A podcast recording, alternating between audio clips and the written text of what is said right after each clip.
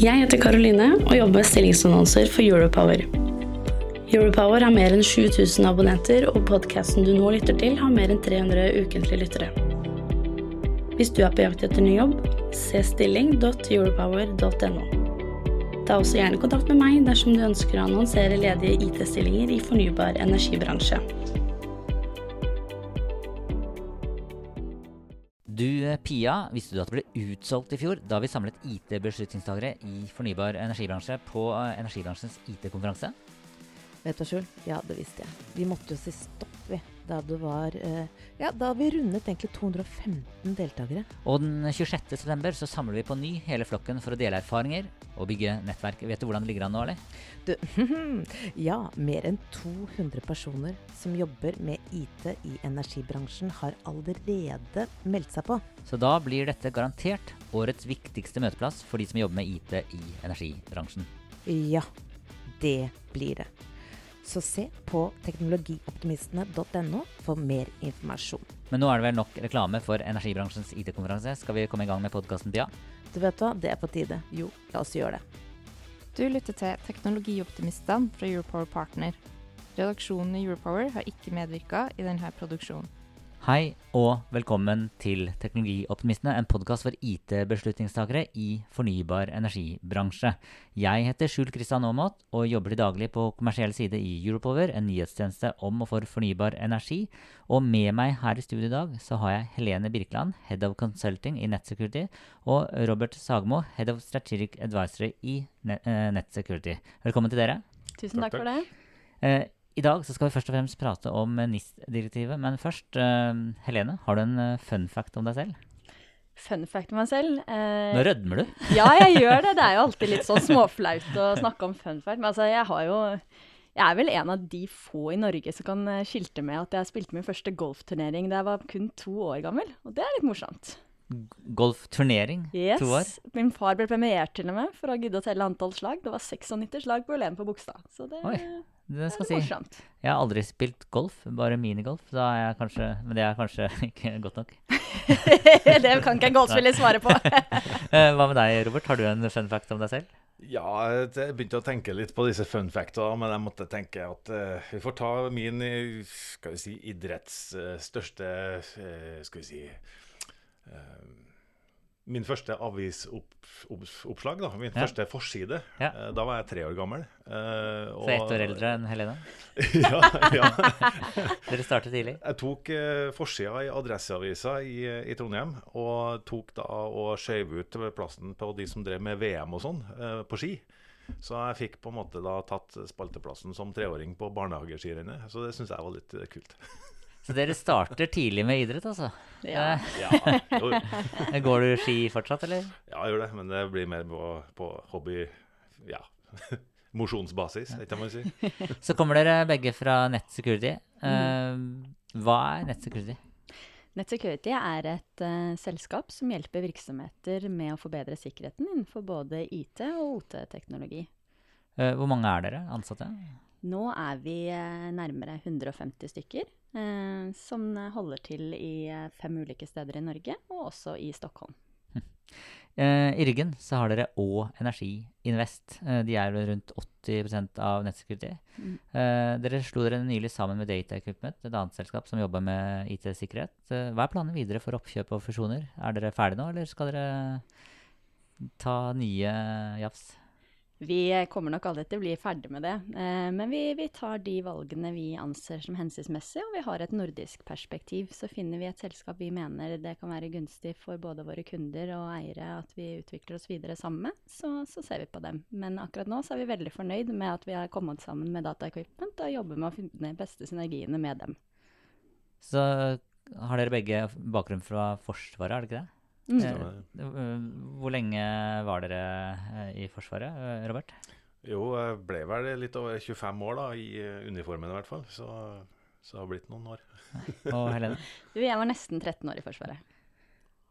Er vi i krig når det gjelder IT-sikkerhet? Ja. ja? Er, altså, for dere er jo fra Forsvaret, dere kan noe om krig. Er, er det krig her nå? Altså, det er jo fredelig og rolig på gata, men i cyberspace, er det krig i kan, Norge da? Kan vi kalle det villvest? Villvest? Ja, jeg tror kanskje det er bedre ord. da. Det det er jo en cyberkrig som pågår, sant? med både skal vi si, eh, etterretning begge veier, og, og, folk som ønsker å vite noe om den andre. Og, og sånn. Og så er det noen kriminelle som ønsker å, å få tak på ting, og så det, bruker man de midlene man har da, tilgjengelig i cyberspace. Og så er det jo litt lite regulert, da, og det er litt vanskelig å finne disse aktørene. og Derfor så er det lett for de å operere i det, det cyberrommet. Men, men, så har vi jo politikere som ikke liker bruken av ordet krig. Ja. Så det er jo litt skummelt å bruke det. Men vi pleier ofte å be folk om å være forberedt på den digitale slagmarken. Ja. Og det er jo noe i det. Mm. Ja, for det er jo, hvis man er Altså, man sier jo det at uh, Ukraina er i krig fordi de blir angrepet. Uh, vi, uh, og hvis vi også blir angrepet, så er det jo en krig. Er det ikke det? Ja, slagmark. jeg fikk meg nylig en ny venn på Snapchat. En sånn AI-person som egentlig ikke tilfører så mye verdi inn i livet mitt foreløpig. Eh, men AI har jo kommet for fullt med ChatGPT. Alle prater, altså Bryllupstaler skrives, eh, styrereferat eh, kvernes gjennom eh, Eh, hva betyr AI for datasikkerheten i eh, Og nå snakker vi jo først og fremst mot energibransjen, da, men ja, altså i, hos norske energiaktører. Jeg vil tro det vil bety mye mer jobb i framtida. For det vi ser av AI i dag, er jo prototyper, og det er jo noe som er nytt. Eh, og noe som er nytt, det vil alltid utvikles og bli bedre.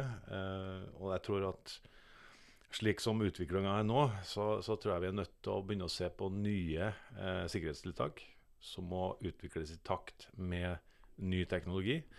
Eh, for å møtekomme de utfordringene vi kommer til å få med AI og bruken av det. Hvordan bruker hackere AI for å, å, å ta eh, oss vanlige folk som jobber i energibransjen? Et eksempel er jo fra, fra nyhetsbildet var det i går eller foregårs, hvor man ser at hvis man lytter til tastetrykk på en PC, så kan AI benyttes til å gjette et passord. Så hvis telefonen din ligger ved siden av datamaskinen og lytter på hvordan du skriver, så kan han gjette ditt passord når du skriver det. Eh, med 95 sannsynlighet eh, eller treff da, akkurat nå. Så 100% er ikke så langt unna. Så er det, ja, og kan sikkert lese de gule lappene som mange har med passordet under skjermen hjemme. Nå er jo passord snart uh, borte, sant? fordi man begynner å få en del andre verktøy. Uh, men klart, uh, for å for å berge seg så er jo multifaktor-autentisering noe som hjelper oss akkurat nå. Men eh, jeg tror man må også begynne å se på eh, nye tiltak da, som, som, kan møte de nye utfordringene. Så er vi her i dag for å prate om NIS-direktivet. Eh, hva, hva, er NIS? NIS er egentlig et lovverk som har kommet eh, på det europeiske, eller fra, fra EU, som går på hvordan man kan innføre tiltak for å forbedre sikkerheten. Eh, og det vi tar mot Norge i dag, er egentlig utvidet i forhold til For sikkerhetsloven i dag sikrer jo eh, grunnleggende nasjonale funksjoner. Dette lovverket her skal også ta de eh, kritiske rollene innenfor eh, virksomhet som driver med samfunns- og økonomisk aktivitet som er særlig viktig for Norge. Så det blir litt flere som blir underlagt denne sikkerhetsloven, men veldig mye av de samme tiltakene som skal til. Ja. Og det gjelder da typisk for energibransjen? Definitivt kan energibransjen bli underlagt denne. Eh, lovverk, altså Er loven kommet, eller er det en lov som kommer? Den er fremdeles uh, under høring hos regjeringen. Så som vi sa i webinaret vårt tidligere, så er det at, uh, viktig at folk er på nå. For det kommer garantert til å bli mulighet til å komme med innspill til, uh, til regjeringen eller til beslutningstakeren på dette. Så der er det bare å være litt foroverlent i skoen. og det, så lovverket kommer. Eh, kommer det i år, eller eh, neste år? Du vet ikke? Det er vanskelig å si når det akkurat hjelper. Jeg vil jo si at sannsynligvis kommer det i, i år. I løpet av uh, høsten uh, mot nyåret. Uh, etter det vi ser, da. Men, men, det kan jo ta litt lengre tid. men, men hva, hva, vil NIS-direktivet bety for virksomheter innen kraft og nett? Eh, skal jeg være helt ærlig, så mener jeg at det egentlig ikke vil bety så aller uh, så mye, egentlig. Hva? og grunnen til det er at jeg mener at det burde for lengst være oppe og gå at man skal følge eh, NSM sine grunnprinsipper for å ivareta sikkerhet. Og gjør de det, så er de egentlig i tråd med NIS-direktivet. Men gjør de det?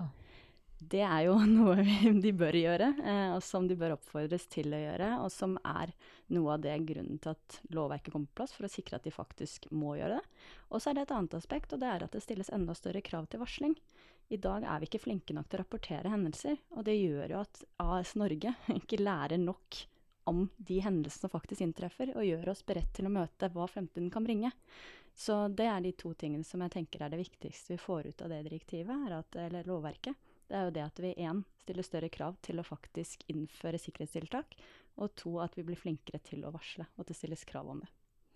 Eh, et lovverk gir jo ofte begrensninger. altså type Fartsbegrensning gjør at jeg ikke kan kjøre så fort jeg vil. Og så er det en grunn til at jeg ikke skal kunne gjøre det. Men altså, det gir jo begrensninger. Alle lovverk gir begrensninger.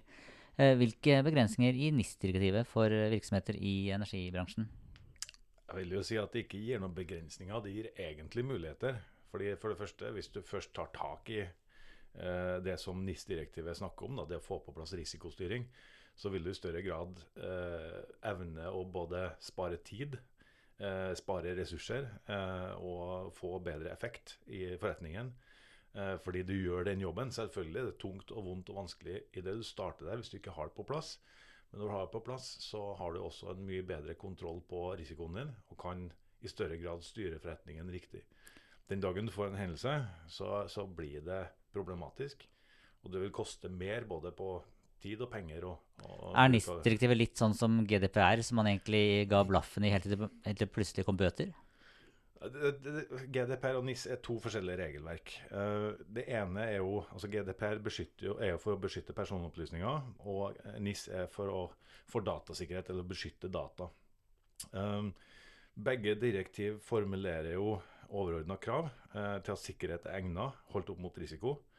Men, eh, og, og, flere regler har jo identisk eh, ordlyd, men NIS regulerer jo mer enn bare personopplysninger. Og så er det slik at GDPR det kan innføres i hvert medlemsland as is. Det er altså det, dette som skal følges. Mens NIS kan justeres og tilpasses lokale lover i hvert enkelt medlemsland. Så Det er derfor vi bruker litt mer tid på NIS-direktivet i Norge sammenligna med GDPR. Ja, GDPR er i hvert fall noe som jeg uh, begynner å bli ganske altså Jeg skjønner at vi må uh, følge. Begynner å bli ganske uh, lei av det, alt man må gjøre også. Blir NIS litt sånn at man hater det? det, det? det, kan jo føles som at man får tredd nedover et, et krav sant? nedover skuldrene og syns dette er tungt og, og vanskelig. Men det er også for virksomhetens eget beste. Fordi hvis du ikke har dette på plass i dag allerede, før direktivet kommer på plass, så har du egentlig et problem. Fordi det er jo sagt av mange nå at det finnes to typer virksomheter. Det er de som er angrepet, og de som blir angrepet. Ergo så tror jeg, tror jeg at det er litt greit å ha kontroll på risikoen. Og ha både de forebyggende tiltakene og de reaktive Eh, skadereduserende tiltakene på plass før hendelsen skjer. Men Jeg har lyst, jeg var litt innom det. Dere svarte litt sånn politisk korrekt rundt det. Jeg har lyst til å spørre en gang til. Ja. Eh, hvordan, er, hvordan, står det til i, i, energibransjen? Eh, forstår man alvoret? Er man klare? Har man gjort de tiltakene, eller er det litt sånn at man er litt på hæla? Det er veldig varierende. Du har virksomheter som er godt fremoverlent, som har gjort mye av det NSM anbefaler i sine, og så har du de i motsatt ende. Eh, men som Robert her var veldig flink til å påpeke, det er jo viktigheten av å få på plass gode risikovurderinger kan skape muligheter, og det kan også skape kostnadsredusering for virksomheter. Det er mange som har innført tiltak som er unødvendige, og som har minimal effekt i forhold til risikoen de står overfor. Så hvis de gjør en god risikovurdering, så kan de også lempe på de tiltakene og faktisk ta de tiltakene inn som har mest risikoreduserende effekt. Og de tiltakene de da ikke innfører, det kan de sette i en beredskapsplan og få en god beredskapsplan på plass. Da vil du være bedre rustet. Så det er litt sånn, eh, det hjelper ikke å bruke hjelm eh, når du kjører bil hvis du ikke har sikkerhetsbelte? Det er noe med det. um, gjelder dette også for uh, virksomheter innen strømsalg? Altså er, er, de berørt? Alle virksomheter kan bli berørt. Så lenge du er kobla opp mot uh, internett, og så lenge du bruker webbaserte løsninger, så er du kobla på cyberspace. Og da kan du enten bli eh, indirekte del av en nettverksoperasjon eller en hendelse, eller kan bli direkte ramma som, som, som, et mål hvis en kriminell ønsker å, å ramme deg da, og tjene penger på det. Og Robert pleier å si det litt morsomt, for han pleier å si at de eneste virksomhetene som fins som ikke har risiko, det er de virksomhetene som ikke eksisterer, fordi de har aldri fått opp noe som helst. Så alle, vil, eh, alle virksomheter vil bære en viss grad av risiko. I, i, i nettbransjen, altså med, eh, med type Elvia, Lede osv., så, videre, så så prates det mye om eh, tettere samhandling mellom nettselskapene. Al al altså bryte ned siloer, og data skal flyte. Eh, kan NIS-direktivet begrense denne samhandlingen mellom nettselskapene? Mm, Nei, det vil jeg ikke si. NIS-direktivet retter jo egentlig fokus mot risikostyring. Og at du evner å gjennomføre gode risikovurderinger for, for deg selv og omgivelsene dine. Du evner å se deg selv i leverandørkjeden, du evner å se deg sjøl i ver- verdikjeden. Og at du får på plass formålstjenlige tiltak for å beskytte det som er nødvendig å beskytte. Så, så det finnes løsninger for å få god samhandling her, eh, uten at du øker risikoen betraktelig, så lenge du har gode tiltak som, som beskytter deg fra, fra utsida. Og så mye- og så vil jeg si, bare for å påpeke én ting, jeg vil jo si at det kan oppleves tryggere å drive samhandling. Hvis alle er underlagt og følger lovverket, så vil det si at de har i hvert fall en minimumsstandard på sikkerheten deres, som vil føles trygt for de som er, eh, er en del av samhandling. eh, Hvor mye, mye koster det å følge dette direktivet? Altså hvis man, eh, hvis, hvis man som eh, leder i et nettselskap da, eh, lytter til denne podkasten og så tenker oh, shit, eh, det her eh, var jeg ikke helt klar over. Eh, Da må denne personen muligens eh, iverksette noen tiltak, da. Hvor dyrt er det? Eh, det koster noe.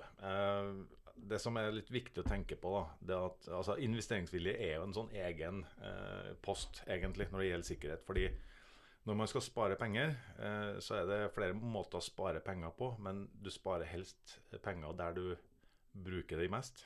Og sikkerhet er jo et sted du bruker penger. Eh, Du får ikke så mye inntjening på det, men du kan få et bedre omdømme når du bruker penger på sikkerhet. Du kan få bedre styring på risikoene dine, som gjør at du har eh, skal vi si, Du bruker mindre tid på det i det store hele, som gjør at du sparer ressurser generelt. Men jeg vil alltid si at du bør, du bør investere den nødvendige mengden for å få på plass det minste minimum. Og Det er jo det å få god risikostyring, få god sikkerhetsstyring og en god beredskapsevne i virksomheten. Så det, er, så det er ikke sånn at dere som selger tjenester inn her, eh, er med på å skremme Nei, altså Folk- må jo investere det de har lyst til. Eh, jo mindre du investerer, jo, jo mindre får du ut av det. sant? Jeg bruker å si til, til de fleste at du kan få det raskt, du kan få det billig, og du kan få det med god kvalitet. Velg to. Ja. så, så, så, så, så du får det du, det du ønsker, eh, men jeg tror det er viktig å bestemme seg for å investere noe på eh, risikosiden og på sikkerhetssiden eh, for å Altså Hvis du prøver en hendelse, så vil den koste ti ganger mer. eh, 100 ganger mer. Eh, så hvis du bruker én del på sikkerhet, så slipper du å tape ti. Eh, og vi har hatt inn eh, flere aktører i, i denne podkasten som faktisk er blitt hacka. Uh, Volue, som også sitter i samme bygg som oss, ble tatt ned. Uh, DNV ble hacka, osv. Så, videre. så så det skjer. Uh, hvem i bedriften er det som er, ansvarlig for å følge eh, NIS-direktivet? Er det IT-sjefen? Hele virksomheten er ansvarlig, med daglig leder eller CEO på topp. Så, så ja, alle vil være ansvarlig. Man kan, ikke, man kan ikke skyve det ansvaret ned på IT. Det er litt av problematikken som har vært i veldig mange år, er jo det at man har skjøvet det ned og gjort det til et IT-problem.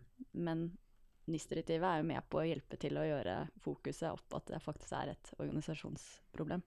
Og at hele organisasjonen må følge. og til syvende og sist så er jo sjefen som bærer ansvaret. Ja. Det er jo ikke å stikke under en stol. Skyld på sjefen. Den eh, 26. september eh, så møtes eh, flere hundre IT-beslutningstagere i fornybar energibransje på Teknologioptimisten, energibransjens IT-konferanse. Og på denne konferansen så deltar også Nettsecurity på scenen eh, i debatt om nettopp cybersecurity sammen med DNV og flere andre. Så dersom dere som lytter ønsker å få et eh, enda dypere innblikk i utfordringene som eh, bransjen står i med tanke på angrep, så er det jo bare å, å bli med der. Og i fjor så ble faktisk konferansen utsolgt, så vi måtte takke nei til deltakere. Eh, så, og vi satser på like stort trykk i år. Eh, Er det noe dere har lyst til å Noe jeg, noe jeg burde spurt om som jeg ikke har spurt om innen cybersecurity? som dere har lyst til å få frem? Altså. Ja. Ja. Hva, hva er det jeg ikke har skjønt når jeg har forut meg? Nei, det er ikke det at du ikke har skjønt det, men det, det du spurte om, det bør vi vente med å iverksette ting før NIS-direktivet er på plass? Og svaret er jo nei. Eh, Ikke vent. Begynn nå. Begynn å få på plass god risikostyring i selskapet ditt nå. Eh, Få kontroll på dine risikoer, og få på plass gode tiltak i din sikkerhetsstyring, så at du i større grad er beskytta allerede. Ja, og jeg vil bare føye til også at NSM har særdeles mange gode veiledere ute. Så ta det som et utgangspunkt. Begynn der, les det opp der. Mm. Og så eventuelt kontakte kollegaer eller andre hvis det er eh, spørsmål. Men det er veldig mye godt på NSM sine sider. Og andre er jo sikkert dere òg, da. Er det ikke det? Kan være oss, men det er veldig mange i bransjen som er gode på dette. Så Det viktigste er at folk eh, ringer rundt til sine venner, og så får de tilbud som tilpasses da deres behov. Det er det som er viktig. Da eh, sier vi tusen takk til dere, Robert eh, Sagemo og Helene eh, Birkeland. Men før dere får slippe ut, eh, så må dere eh, svare på et fast spørsmål, som er eh, Min første datamaskin, det var en Amiga 500. Eh, og hva var din første datamaskin, Helene? Du, det, det aner jeg faktisk ikke, men jeg har en følelse at jeg har sett Nå en lignende. Ja, men jeg tror, jeg tror jeg har sett en lignende databoks på rekvisittlageret til NRK. Så den var stor, hvit uh, kasseboks, men jeg var såpass liten at det merket husker jeg ikke. Og Robert, hva var din første? Du, det var en Dragon 32. Så, så der var det medfølt også et, et sånn Pacman-spill, husker jeg. Eh, Og det var før Commodore 64-tiden? Ja, liksom? Dragon 32 og 64 var forgjengerne til Commodore 64. Fantastisk. Har du den fortsatt, eller? Nei, den Nei. er nok eh, borte. Og, Den er blitt hacka, si. ja, Da vil jeg si tusen takk til eh, dere. Takk til deg som lytter. Jeg heter Skjul Kristian Aamodt, og jeg er en teknologioptimist. Og hva er dere? Teknologioptimister. teknologi, teknologioptimist. Ja, dere får ikke lov å si noe annet. Tusen takk. Tusen takk. Takk, takk. Du, eh, Pia, visste du at det ble utsolgt i fjor da vi samlet IT-beslutningstagere i fornybar energibransje på eh, energibransjens IT-konferanse?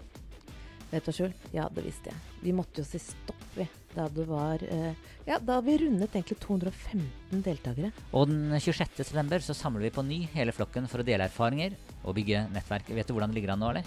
Du, ja, mer enn 200 personer som jobber med IT i energibransjen, har allerede meldt seg på. Så da blir dette garantert årets viktigste møteplass for de som jobber med IT i energibransjen. Ja, det blir det.